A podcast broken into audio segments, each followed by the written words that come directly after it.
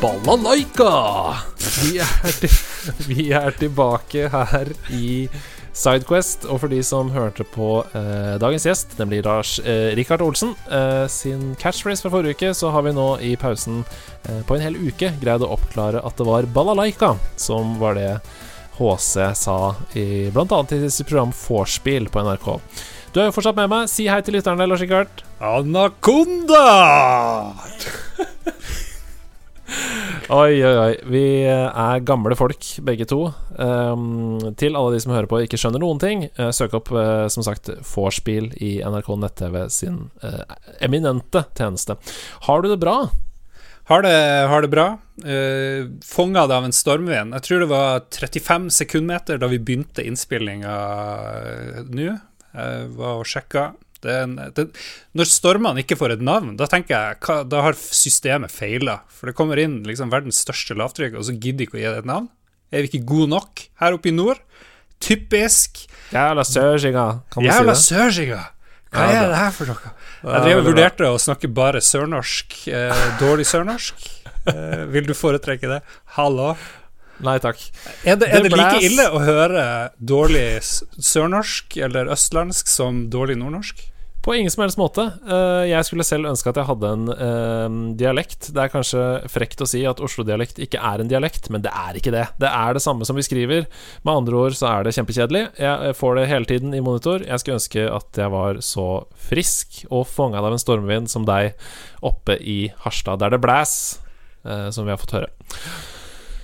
Vi skal snakke om et spillselskap, vi. Ja, det hørtes ikke sånn har- ut. Nei, jeg har eh, en liste over eh, noen av de største spillselskapene i verden som jeg sender ut til folk som jeg har lyst til å snakke med dem om, eh, og sier 'velg deg ett', og så prater vi om det. Og du var ganske rask på leben til å si 'jeg dibser', som vi sier her nede i Oslo. Lucas? Arts. Lucas Arts. Hvorfor ville du det?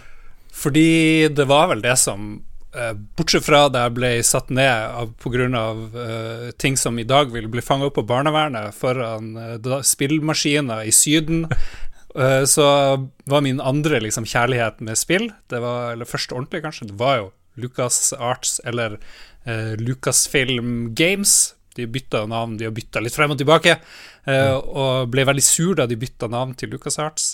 Men det var det, var, det, var, det, her point and click-greiene, som jo er Ja. det de er kjent for, egentlig. Ja. Maniac Mansion, Monkey Island, sånne ting.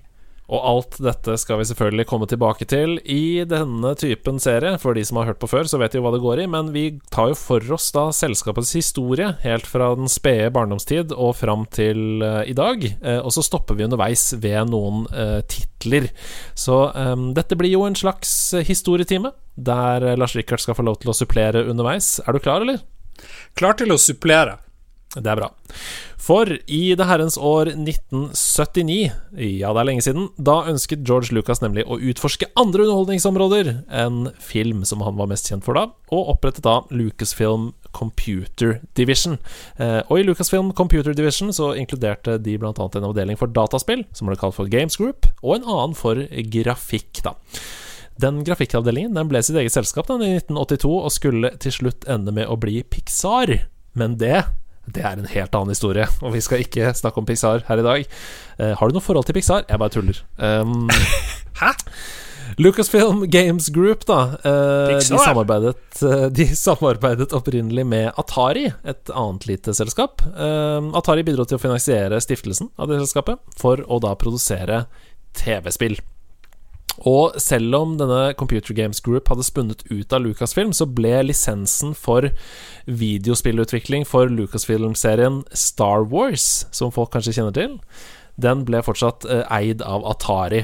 Eh, det betyr at Games Group ble tvunget til å starte med originale konsepter, eller såkalte egne IP-er, som vi eh, spillnerder sier, intellectual properties, på godt norsk, da. Men aldri så galt at det ikke er godt for noe, fordi Ron Gilbert, en av de aller første ansatte, sa, har nemlig sagt i ettertid, at hvis Lucasfilms uh, Games Group hadde hatt rettighetene til Star Wars på den tiden, altså fra starten av, så ville de aldri ha lagd egne serier, og da hadde vi gått glipp av veldig mye. Hæ? Ja. Det hadde vært veldig trist, og jeg tror han har helt rett, fordi hvis det er noe George Lucas kan, så er det å melke Star Wars. han har lagd duk dukker, han har lagd eh, tegneserier, bøker, jeg hadde lydbok. Eh, Men solgte ikke han rettighetene til spin-off-produkter for sånn en slikk og ingenting? Jeg tror det var motsatt. Han fikk, ja. han fikk noen prosenter av alle spin-off-produkter. Det er derfor han var verdt 30 milliarder billioner dollar og kunne lage Skywalker Sound, han kunne starte spillting, han kunne lage det som var Pixar osv. Veldig gøy. Eh, det tidlige kapitlet til eh, Lucasfilms Games, altså det tidlige kapitlet i deres historie, det var å lage eksperimentelle, innovative og ganske egentlig sånn teknologisk avanserte TV-spill. Eh, et av disse typer spillene var Habitat. Et veldig sånn tidlig, tidlig online rollespill. Har du hørt om Habitat før? Aldri hørt om habitat. Jeg føler jeg er på, på videregående i naturfag akkurat nå. Ja. må, jeg, må, jeg, avgi et svar? Du må på ingen som helst måte avgi et svar, for vi skal ikke vie ett minutt engang til Habitat. Vi skal nemlig gå langt videre. Det var nemlig først da Lucasfilm uh, Games begynte å snuse på eventyrspill, som du var litt inne på her, at de fant formen sin. Og det første eventyrspillet utviklet av Lucasfilms Games, det var Labyrinth. Uh, og det kom i 1986, basert på filmen med samme navn. Har du noe forhold til Labyrinth, da? Har et forhold til filmen Labyrinth, men selve spillet ja. spilte jeg faktisk aldri. Det, det, skal det være veldig bra, fordi alle de spillene jeg har spilt, det er i de, de som har lagd den Scum-motoren, og de kom ja. først året etter, i yes. uh, Maniac Mansion. Har du Du er jo litt yngre enn meg, Andreas. Har du spilt Labyrinth? Jeg har, enda, jeg har, ikke engang hørt om spillet Labyrinth, og derfor så hopper vi videre i historien. For det ble nemlig utgitt masse masse eventyrspill etter dette. Du har eh, nevnt noen av dem. Eh, her kommer det en liten liste i, som ble lagd i denne Scum-motoren som du snakker om. Det er Maniac Mansion, Zack McCracken, Alien Mindbender, Indiana Jones and the Last Crusade osv. osv. Men det var jo først da de kokte opp et lite piratspill, at de befestet ryktet som en av de ledende utviklerne i pek-og-klikk-eventyrsjangeren. Jeg snakker selvfølgelig om The Secret of Monkey Island. Men la oss spole tilbake. Er det noe av liksom Maniac Mansion, uh, Alien Mindbender Har du lyst til å stoppe ved noen av disse? Ja, ja. Jeg er veldig klar. Uh, du nevnte jo han her Ron Gilbert, som er fremdeles en, en kjent figur og respektert figur i spillverden. Han fikk i oppdrag å lage et et, et eventyrspiller. Jeg tror han klarte å krangle seg til det på et eller annet vis. Og han ville mm. gjøre alt annerledes. Han ville, han ville endre eventyrsjangeren, som jo var dominert av Sierra som hadde Kings Quest og sånne Space Quest etter hvert. De ga ut Larry-serien, som veldig mange kjenner til. Og felles for de var jo at uh, det i starten så måtte du drive og skrive inn med tekst og, og gjøre veldig tungvinte ting. Pick up rock osv. Mm. Go north og alt det her. Jeg, jeg, husker at det var til og med sånn i, i coveret på spillene du kjøpte, så var det en sånn uh, ordliste over sånn uh, Actions you can do. Uh, pick up. unlock. Sånne ting. Ja. Det sto en sånn liste over, over hvilke sånn kode Eller sånn ja, keywords da du kunne bruke. Ja, utrolig slitsomt. Det var jo for så vidt uh, interessant. Husker jeg spilte Police Quest. Det var ganske slitsomt. Du måtte liksom uh, pick up gun, og så uh, hold out license, say you are police, say hold it, we will shoot. Jeg vet ikke, det var kanskje ikke helt sånn, men Turn on siren. Turn on siren. Drink coffee. Uh, eat donut. Buy donut.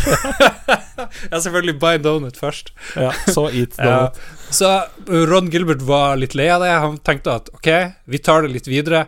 Det har jo blitt mye bedre etter det òg, men han fant ut at ok, mm. i stedet for å skrive inn all driten, uh, putt ordene på skjermen. Bruk Putt, putt, 20 verb for skjermen. Det høres jo helt sykt ut i dag at du må liksom drive og trykke på pick up eller open eller push og ikke sant, alle de her tingene, men det var nå et skritt fremover i spillhistorien. Og det, det tok jo helt av. Det gjorde det jo mye mer tilgjengelig for folk å, å Nå hadde kunne du gjøre det. plutselig Ja, for nå hadde du plutselig én hånd fri til å spise cheese doodles og drikke brus, mens du brukte høyre hånd til å peke med da musepekeren på disse ordene istedenfor å skrive dem. Ja. Hva er ditt favorittspillgodteri? Spillkompatible godteri? Oi, oi, oi, det er vanskelig å si. Jeg er fryktelig, fryktelig glad i potetgull. Jeg spiser flere poser i uka, faktisk. Um, så hvis jeg kan si potetgull som en overordna ting, så er det det ikke det veldig greasy? Blir ikke det veldig sånn Plutselig så sklir fingrene av Jeg musa, spiser eller- cheese doodles med gaffel. Det har jeg alltid gjort. Har en kompis som spiser cheese doodles med gaffel. Det er Ja, men det, det er ikke tull. Jeg spiser cheese Ja. doodles med gaffel. Wow. Uh, men ja, det er sant, det. Altså. Det blir litt greasy her og der. Um, dette er en digresjon. La oss heller snakke ja, det var det jeg skulle si. Beklager. Eh, skolekritt er min uh, greie, by the way. Men ja, uansett, åh, det er godt. det første, det første spillet som veldig mange, mange husker, bortsett fra Monkey Island, det var back in the days, det var det her Maniac Mansion. 1987.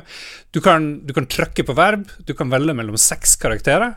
eh, og så velger du et lite team som skal gå inn i et hus og redde ei dame eh, fra en eh, gal vitenskapsmann som er tatt over av en meteoritt. Sånn var handlinga i 1987. Og, og og du kunne når som helst bytte mellom de ulike karakterene. Og så skulle du fære rundt og plukke opp ting, bruke ting på ditt og datt for å løse ulike oppgaver. Så var det mye syke folk du møtte. Det som også var litt kjipt eh, back in the day, som Lucas eh, Arts og Luxfilm Games ikke klarte å løse, det var jo det der med å ødelegge spillet du var i. For i mange spill så kunne du gjøre Kunne du kødde og gjøre noe dumt, og så tre timer senere så finner du ut at oi, det der, er- den mynten jeg brukte i en maskin, den burde jeg spart til slutten, for nå kan jeg ikke fullføre spillet. så Maniac Mansion var sånn, da. Og karakterene kunne dø og sånn, og bare forsvinne. Så Åh, shit, man Ja. er livredd for å gjøre noe som helst.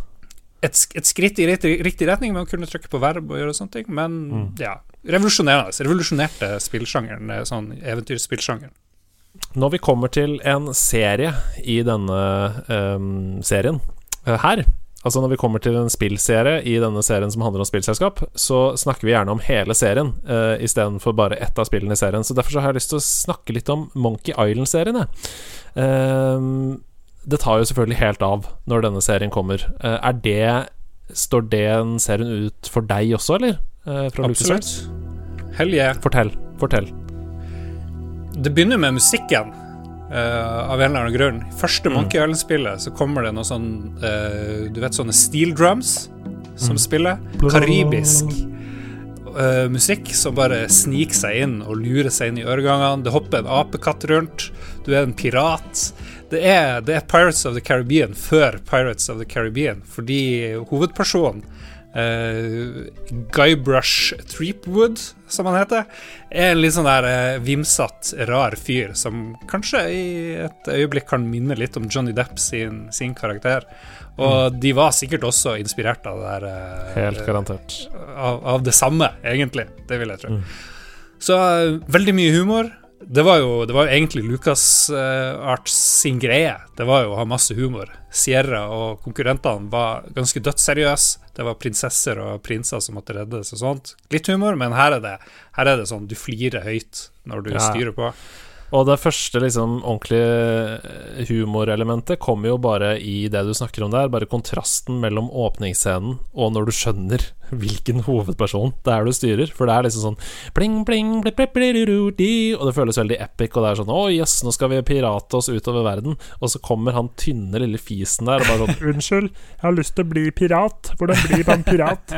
og han kan ingenting, og han er øh, Ja, han, jo, han kan veik. holde pusten veldig lenge. Ja, og det er liksom sånn eh, ja, Han møter ekte pirater som sitter og drikker grog, og de er liksom tøffe, og han er sånn Ja, det er Ja. Eh, Jeg har ledd så mye av det spillet. Det var egentlig det jeg skulle fram til. Det, det har jo en unik combat mechanic, eh, som òg har mye med å le. Det er sånn eh, Hva kan man kalle det for noe? Eh, sånn der eh, rap battle, eller sånn der eh, hvor du fornærmer hverandre med å Ja, si sånn ting. som, i, sånn som i Assassin's Creed Valhalla. Eh, Ja, ja, ja, ja, ja. der er det også en sånn funksjon hvor den ene sier en setning, og så skal du svare på den setningen.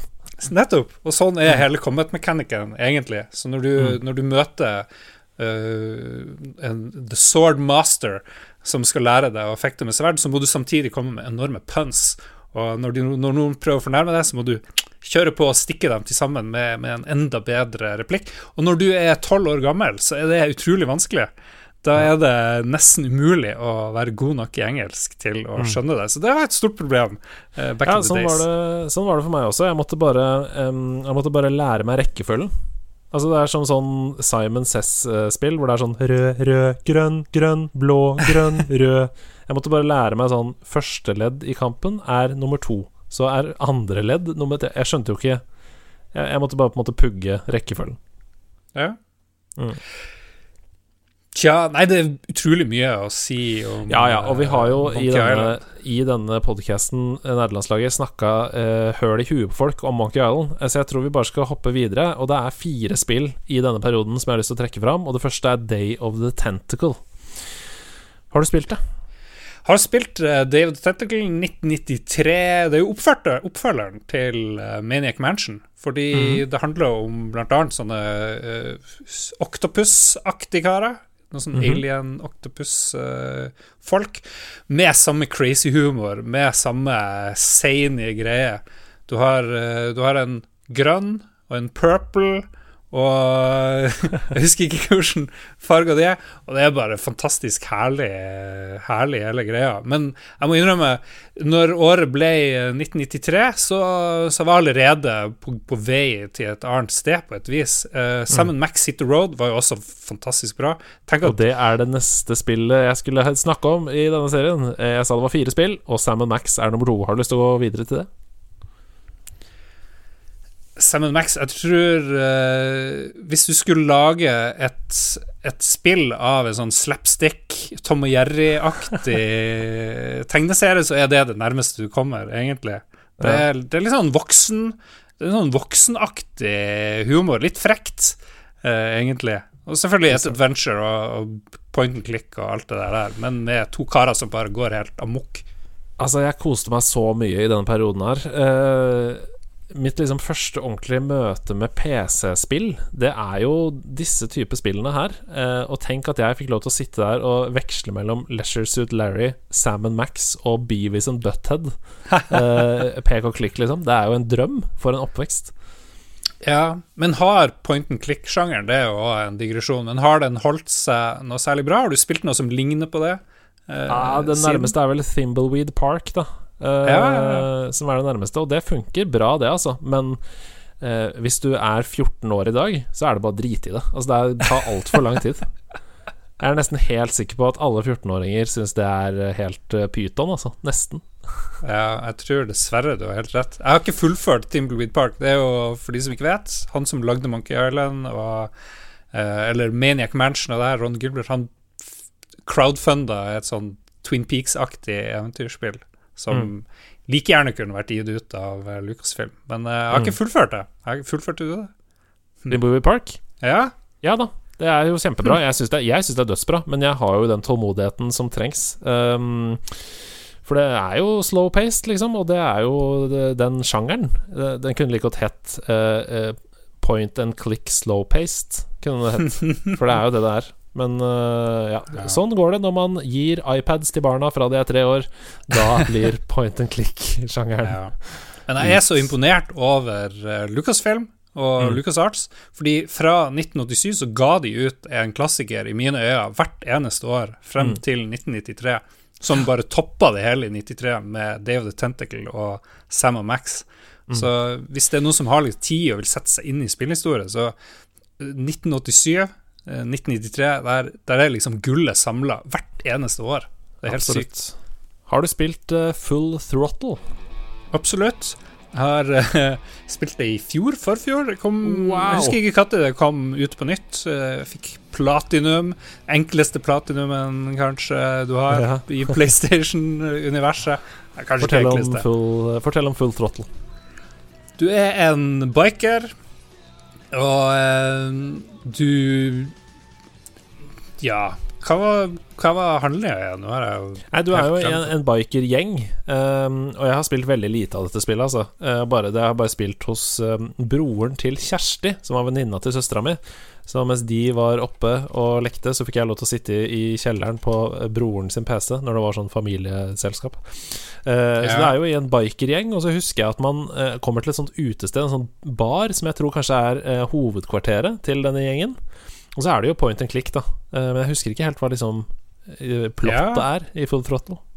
Ja. Nei, det er noe eh, Det handler om bikergjengen, og det handler om han Ben, som er sjefen for den. Og så må han samle og prøve å finne den der gjengen sin uh, igjen, for å redde uh, et eller annet. Fordi det er en skurk som skal drive og fucke opp hele motorsykkelmiljøet, eller produksjonen av det der, der. Så det er veldig sånn, det lukter diesel av det her spillet. Det lukter, det lukter bensin, og det lukter kjetting. Og du har noe sånn her Det meste er jo point and click, og sånn, men så har du noen sånne her, litt sånn weirde combat scenes. Uh, inni det hele. Og så er det, det er liksom den der klassiske Blues Brothers-greia.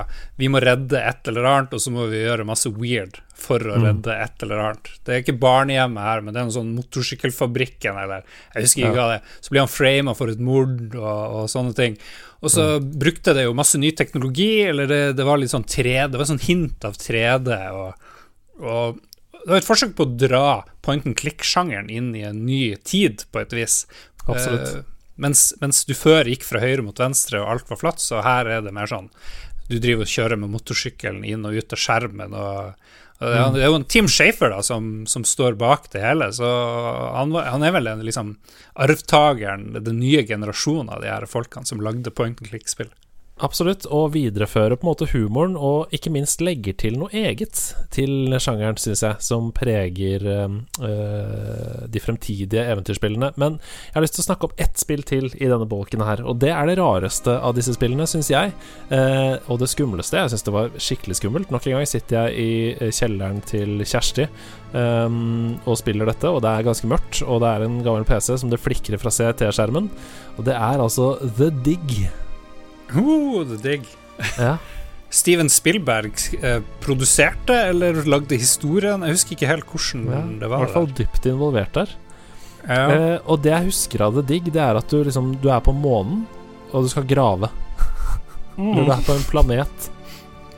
Jeg snakka for to uker siden med Jon Cato om det spillet. Ikke, vi kunne, ingen av oss huske helt eh, hva som skjer, men det har en sånn eh, setting som er, er Ja. veldig besnærende. Det er litt sånn 2001, du er ute i verdensrommet, og det er, man finner et eller annet, ikke sant. Ja, det er noe som er off, liksom. Det føles som noe er off hele tiden.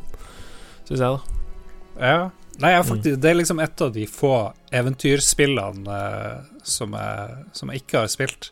Alle de her Ja. eh, Indiana Jones-tingene og alt det der men når kom, det her The Dig? Åh, Det sitter jeg ikke foran med meg i dette manuset, dessverre. Det er i den samme perioden, uh, rundt Day of the Tentacle, Sam Max, Full Throttle, Ja. rundt der. Men litt ja. hva sa du? Det er litt weird? ja, nei, det er litt weird at jeg ikke har spilt det, for det, det, Ja. det mm, alle, alle de her point click-tingene, det, var jo det- det var jo det man levde for, egentlig. Mm. Og, men husker du hvor vanskelig det var å finne svar på ting Ja, du ikke visste? Det var jo helt umulig, Fordi det, jeg visste jo ikke Vi hadde ikke noe internett eller noe sånn ting, så det var bare eh, Ja. Nei, Jeg skjønner at de der USA så du- hjelpelinjene oppsto og sånn. Du kunne ringe steder for å få Ja! hjelp. Ja, ja. I USA så var det jo veldig lett. Hvis du hadde Nintendo, så kunne du ringe nei, Nintendo hotline-greia, og så satt det masse folk eh, Mm. og svarte. I Norge så var det litt sånn Ja, kanskje naboen vet? Kanskje faren, faren min kan hjelpe meg her? Kan spørre i skolegården, kanskje. ja. Nei, vi skal videre fra denne perioden med eventyrspill hos LucasArts, for etter den enestående suksessen til eh, det bitte lille spillet fra id Software som heter Doom, så skiftet jo hele PC-spillmarkedet mot produksjon av tredimensjonale FPS-spill. Og uh, LucasArts de kasta seg på denne trenden, de, og bidro i stor grad med 1995-utgivelsen av Star Wars Dark Forces som er et førstepersons skytespill eh, som adapterer da denne Doom-formelen til eh, Star Wars-universet. Spilte du Dark Forces? Jeg begynner å bli le og si nei, men eh, jeg gjorde sikkert det. Men jeg kan ikke huske det, altså. Jesus Nei. lord. Vi, vi har allerede snakka nok om det. Jeg har heller ikke spilt det, og du hører jo det at det er eh, Star Wars bare Doom, eh, eller Doom bare Star Wars. Det får være opp til den som hører på. Um, Jo, jo, med jo. dette Jo, det jeg spilt det. Beklager. det var, Da vi var på Tilt, så var det noen som Vi snakka om forskjellige Star Wars-spill eh, som en ledd av en quiz, og da var det noen som ropte Dark Forces i salen. Eh, jeg husker ikke hvem det var. Ja. Jeg husker den der uh, Rebel Gun, eller hva nå Ja. det er. Den er så kul. Den er ganske ikonisk, da. Det er er, veldig kult. Star Wars passer inn i alle sjangre, da, egentlig. Definitivt, og det er jo en veldig uh, Det er en veldig praktisk ting når du baserer selskapet ditt rundt Star Wars, fordi i siste halvdel av dette tiåret her så ble jo eh, populariteten til eventyrspill dessverre veldig redusert. Eh, kostnadene til spillutvikling økte ekstremt fordi alle spill skulle ha høyopplyselig grafikk. Lyd med CD-kvalitet blir jo standard her. Eh, PC-markedet ønsker seg spill som kunne utnytte alle de dyre nye grafikkortene som sitter i eh, kabinettene deres, og det samme skjer jo med hjemmekonsollmarkedet. Eh, PlayStation, Sega Saturn, Nintendo 64. Det skal være 3D over hele rekka. Slår ut i full blomst der. Og eventyrsjangeren den klarer ikke å finne popularitet blant den massene av nye spillere. Men til tross for det så fortsetter eksperimenteringen i LucasArts, og i 1996 så gir de ut Afterlife. Og Afterlife det er en simulator der spilleren skal bygge sitt eget himmel og helvete. Eh, og det er masse masse vitser og ordspill i spillet, f.eks. et fengsel i helvete som heter San Quentin Tarantino. Det var verdens dårligste vits, kanskje, Ja, men litt artig. Ja, det virker for meg. Um, jeg sa jo, var jo innpå her at sjangeren eh, pek og klikk og eventyr var på vei nedover, og til tross for den synkende populariteten, så fortsetter altså LucasArts å gi ut eventyrtitler. Nekter å godta realitetene. Eh, wake up and smell the coffee. Jeg vet ikke hva det betyr. Så i 1997 så kommer altså Curse of Monkey Island, som er det siste eh, LucasArts eventyrspillet som beholder tradisjonell todimensjonal grafikk og sånn pek og klikk-grensesnitt. Men dette spillet etterfølges av Grim Fandango, som kommer i 1998. Og Grim Fandango det er LucasArts sitt første forsøk på å konvertere et 2D-eventyr til et 3D-miljø. Grim Fandango, du. Ja, Snakk litt om det. inspirert av uh, meksikansk uh, sånn Day of the Dead-tradisjon, egentlig. Mm. Masse Tim sånn Schafer noir. igjen. Nei, noir, ja. Ja. Du er, du er en slags eh, detektiv for etter, etterverden, egentlig. Mm. Og jeg husker det kom ut på nytt for ikke så mange år siden. Mm. Eh, kontrollene var kanskje de dårligste kontrollene noen gang. Men, men, eh, men konseptet er jo veldig bra. Humoren er tilbake. Eh, det her Curse of Monkey Island, eller hva det var for noe. Husker jeg Mm. spilte vel én time eller noe sånt fra det. Bleh, bleh, bare drit. Og så Mm. kom eh, Grim Fandango, som jo eh, Sånn rendra, 3D-aktig.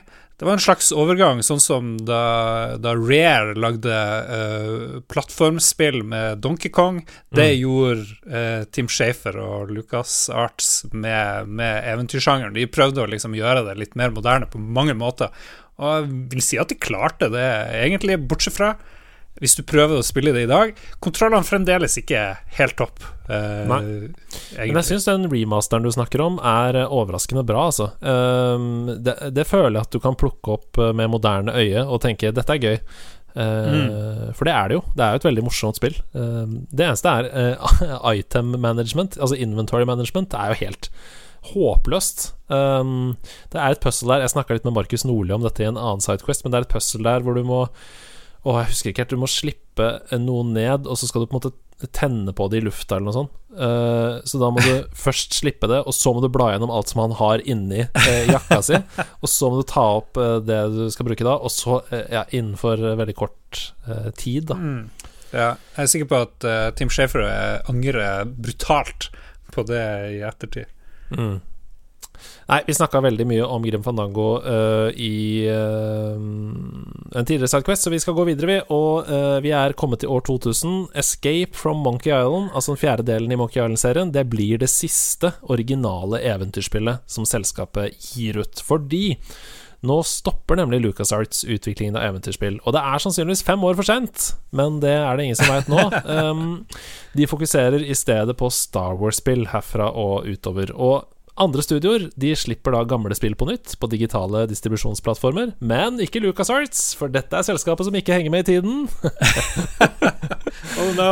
Det er nemlig ikke før i 2009, altså ni år etter, at The Secret of Monkey Island Special Edition, som er en HD-remaster, eller nyinnspilling da, av det originale spillet, som har litt revidert grafikk, litt musikk, voice acting, eh, og da Tales of Monkey Island, en ny episodedel-spill eh, i Monkey Island-serien, som kommer da ni år etter.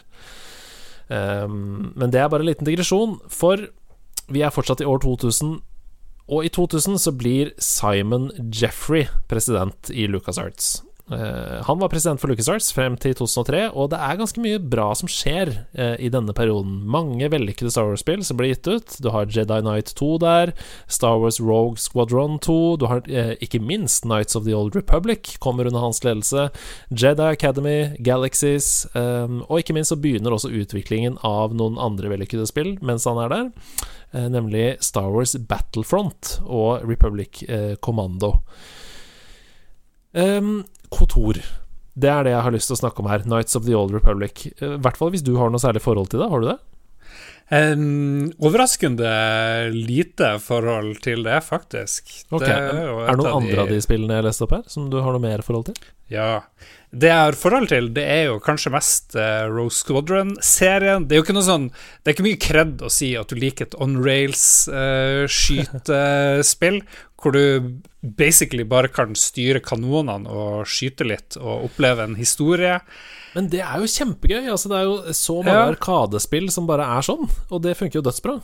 Ja, det, jeg driver og husker jeg har hele tida vært litt sånn en sucker for litt sånne kule cinematiske ting hvor du ikke trenger å gjøre så utrolig mye. Hvis vi tenker på Dragon Slayer-serien og sånn, som mm. er kanskje den minst interaktive spillserien i verden.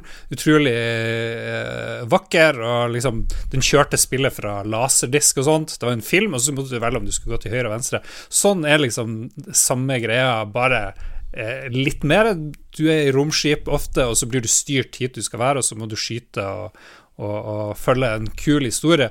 Og en av mine kuleste spillhistorier, spillopplevelser, det var da jeg var på noen sånn språkreise i England, hvor Namco, tror jeg det var, hadde sånne gigantiske installasjoner på spill, eh, spillehaller i London.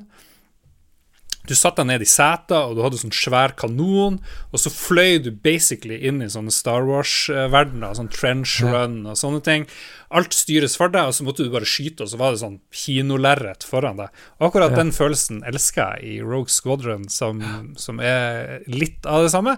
Og så er det jo lagd av Factor 5 som jo står bak uh, Turrican-serien på Amiga, som er en sånn uh, guilty pleasure for mange. Det er veldig gøy at du nevner dette, for det altså, Vi både hørte på musikken og snakket om Turrican for første gang uh, i over 90 episoder av Nederlandslaget i går.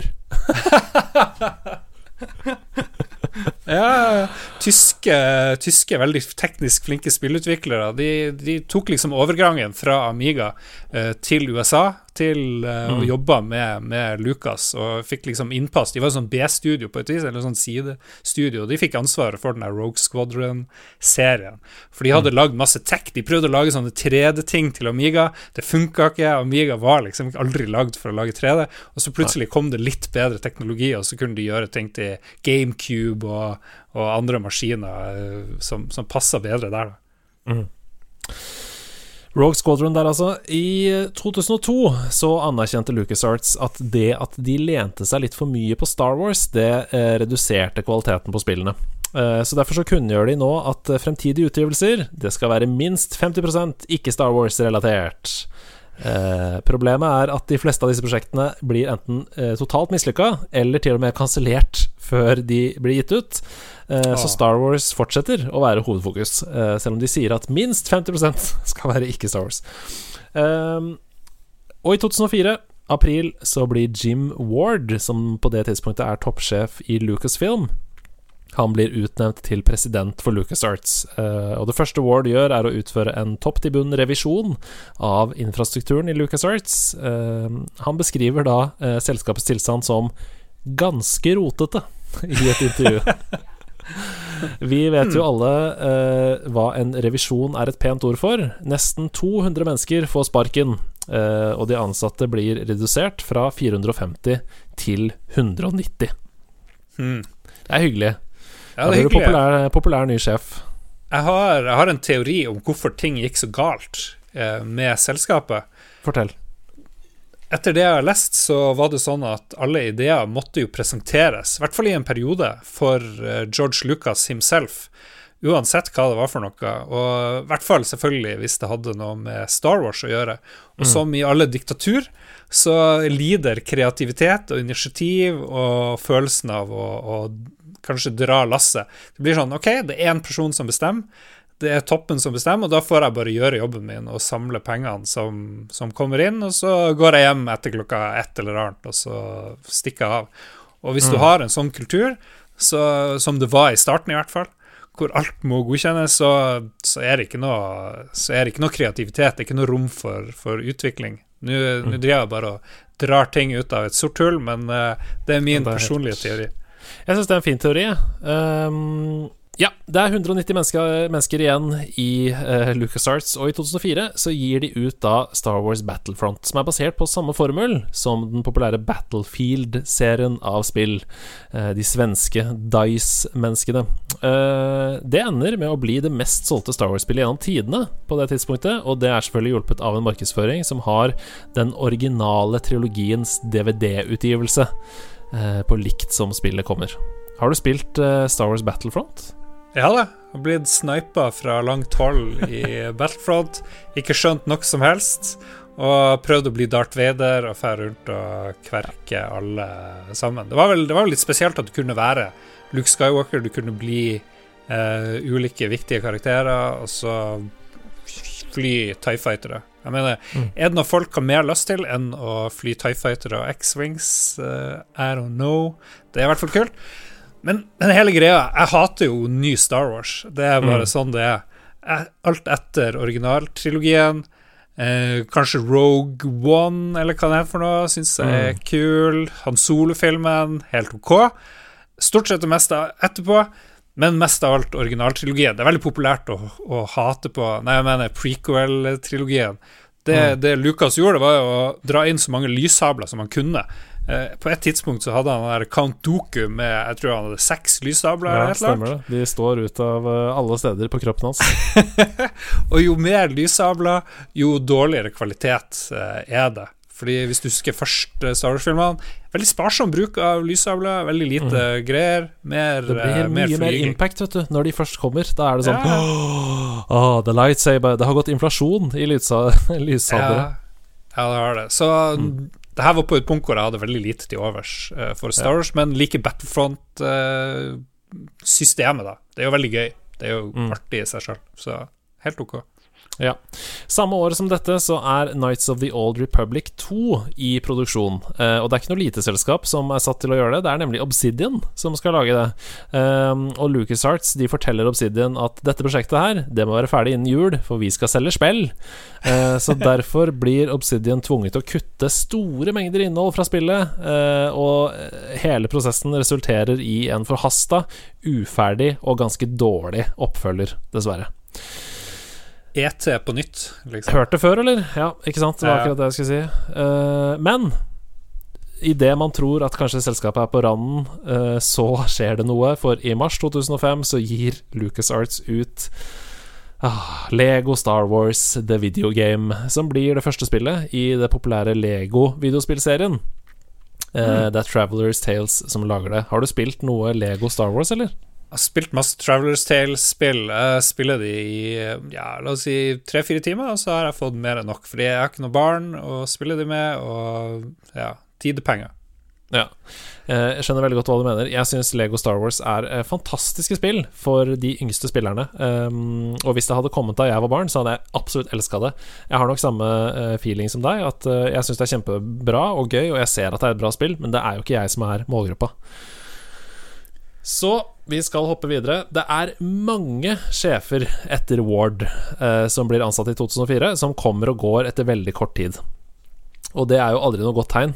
Eh, det går dårligere og dårligere med Lucas eh, Arts. Eh, og det siste spillet, som blir utgitt gjennom Lucas Arts som et datterselskap da, av et uavhengig Lucasfilm, eh, det er Angry Birds Star Wars. og det orker jeg ikke snakke om engang. Eh, Visste, det- du, visste du at jeg var nummer én i Angry Birds Free i Norge i en periode? Det er hyggelig Av- for deg. Av mer enn én million spillere, tror jeg. Ja, det er en veldig stor prestasjon. Um, heldigvis så har ikke det noe med Lucasfilm eller Lucas Arts å gjøre. Du har invitert feil gjest hvis du ville vil ha fokusert tanke og fremgang. den gangen du skal snakke om dine prestasjoner i nederlandslaget, da skal vi dvele lenge ved denne enorme prestasjonen. Eh, For det som skjer nå, nemlig, det er jo at det er Walt Disney som kommer brusende inn døra eh, og kjøper hele Lucasfilm og alle dets eh, datterselskaper, inkludert av LucasArts, eh, 21.12.2012. Etter at myndighetene faktisk må inn og godkjenne dette. Det er jo normalt ved såpass store eh, avtaler, for dette koster 4,05 milliarder dollar. Billig. Uh, ja, det er billig. Uh, 21.12., altså. Det er rett før jul. Um, og Disney sier foreløpig er alle prosjekter i virksomhet som helt vanlig, og det er selvfølgelig bare corporate business-prat, for uh, oversatt dere skal få feire jul i fred. for det tar ikke lenger tid enn uh, fire måneder. Det- 3. april 2013 så kunngjør Lucasfilm at de lukker sin praksis for videospillutvikling og sier opp det meste av LucasArts-personalet. Det er 150 ansatte som mister jobben den dagen. Ba, ba, ba. Det er veldig, veldig trist. Og det er uh, rett og slett veldig mange år. I åtte år så er det bare ti stykker som jobber i selskapet. Det er det de kaller et skeleton crew, uh, som betyr bare hold liv i det som trengs av administrering, av regnskap, av rettighetsting, sånne ting. Det er ti stykker som jobber der. Men åtte år senere, 11. januar 2021, det er bare noen måneder siden, tenk på det så kunngjør Lucasfilm at nå etablerer vi Lucasfilm Games-merkevaren for alle fremtidige spilltitler fra Lucasfilm. Og senere denne uka her så blir det ikke bare kunngjort at Machine Games skal utvikle et spill basert på Indiana Jones-serien, med Todd Howard som produsent og Betesta som publisist. Det kunngjøres også at Massive Entertainment skal utvikle et open world Star Wars-spill, og at EA er i utvikling på flere spill basert i Star Wars-serien. Hæ?! Hæ? Hæ? Hæ? Det er jo det smarteste de kunne gjøre, det er å gi ansvaret til noen andre enn de som har ødelagt alt som var Star Wars-spill og, og det som ligner på det. Ja. Så fremtiden er jo på mange måter lys. Uh, ingenting er igjen av det vi kjenner som LucasArts, og det er jo synd. Eh, selskapet som dessverre da gikk under med Herbert Spencer og Charles Darwin sitt kjente uttrykk 'survival of the fittest', altså den mest tilpasningsdyktige overlever, det har vi aldri praktisert i LucasArts. Eh, men jeg har bare lyst til å si tusen takk for minnene. Kanskje er det da tross alt fordi eh, LucasArts ikke ville tilpasse seg at de lagde så fantastiske spill. Eh, de prøvde jo å revolusjonere eventyrsjangeren, som du sa, og det fikk de også til. Og så får vi se da hva fremtiden byr på i samarbeid med EA, Betesta og andre folk som er glad i penger. Hva tror du? Hva tror du fremtiden bringer? jeg tror fremtiden bringer bra ting. Disney er jo et fantastisk eh, fint og flott selskap på mange måter. De lager jo helt sinnssyke filmer. Mm. Har du hørt om noen som har laget en serie som Marvel Cinematic Universe-opplegget? jeg, jeg så alle filmene på nytt. Jeg var liksom ikke den store fan, men så i, i vi, vi kaller det K-ordet i det perioden vi er nå, så så jeg alle tingene på nytt. Syns det er helt strålende. Syns det er helt Ja, fantastisk. Spesielt hvis du sammenligner med de her Batman-greiene og alt det her. Ja, det Så jeg sant. håper at de klarer å bruke litt sånn samme kunnskapen av det her til å få til noe bra på spill. Samtidig så håper jeg at de selger rettighetene til Monkey Island tilbake, eller til eh, eh, Ron Gilbert, som jo lenge har sagt at ok, hvis jeg får sjansen, jeg lager gjerne nye Monkey Island-spill. Eh, Andreas, du liker Timbleweed Park. Jeg tror du hadde kanskje likt det hvis de, de så litt på katalogen sin. Splitta den litt opp, vakk, liksom delte ut ting. Delte ut Mm. litt gull. Du får Star Wars, EA får Star Wars, Ron Gilbert får Monkey Island. Det er jo ingen andre som vil lage et nytt Monkey Island-spill. Det er ingen som tør å lage et nytt Monkey Island-spill enn Ron Gilbert. Kanskje Tim Shafer vil være med på leken der, men eh, Mm. ja. Jeg har ganske begrensa ønsker for tida, og, men akkurat det hadde vært topp. Jeg lar det være siste ordet. Det er veldig fine ønsker. Eh, tusen takk for at du ville være med, Lars Rikard. Det var en glede, eh, og et veldig hyggelig eh, første bekjentskap for våre lyttere. Og så vil jeg bare si til slutt, gå inn og hør da på Spillrevyen. Gå inn og hør på Lolbua. Utvid din nerdehorisont til mer enn å bare høre på oss, da vel. Eh, så eh, vokser vi alle til en litt større spillkake som alle kan ta litt mer del av. Eh, har du lyst til å si noe til slutt? Jeg ble så fascinert av ordet spillkake, men ok. Jeg sier bare Anaconda! Barracuda! Er det, er det noe Går det an å si det? Nei, det var veldig koselig å være her, Andreas. Tusen takk for at jeg ble invitert, og takk for at jeg fikk se alle de fantastiske perlekunstene som er bak eh, hodet ditt. Det ble jeg veldig misunnelig på deg. Og ditt liv skal jeg, Nå skal jeg krype ned under stolen og bore og gå tilbake til å eh, overleve stormen i Nord-Norge. Mm. Og ja, jeg vet ikke En storm som ikke har fått navn engang. Eh, Du kommer aldri til å høre mer fra meg, for nå eh, ser jeg Nå blåser veggene ned her. Et eller annet. Det blåser og er iskaldt i Harstad. Det er hjertevarmt og godt i Oslo, men her er alle, alle absolutt alle har korona, så eh, jeg hadde foretrukket å være oppe hos deg. Jeg prøver å få deg til å føle deg bedre. Det er liksom det jeg gjør. Takk for at du hørte på, lytter. Vi snakkes igjen neste uke. Si ha det, da. Ha det. Ha det!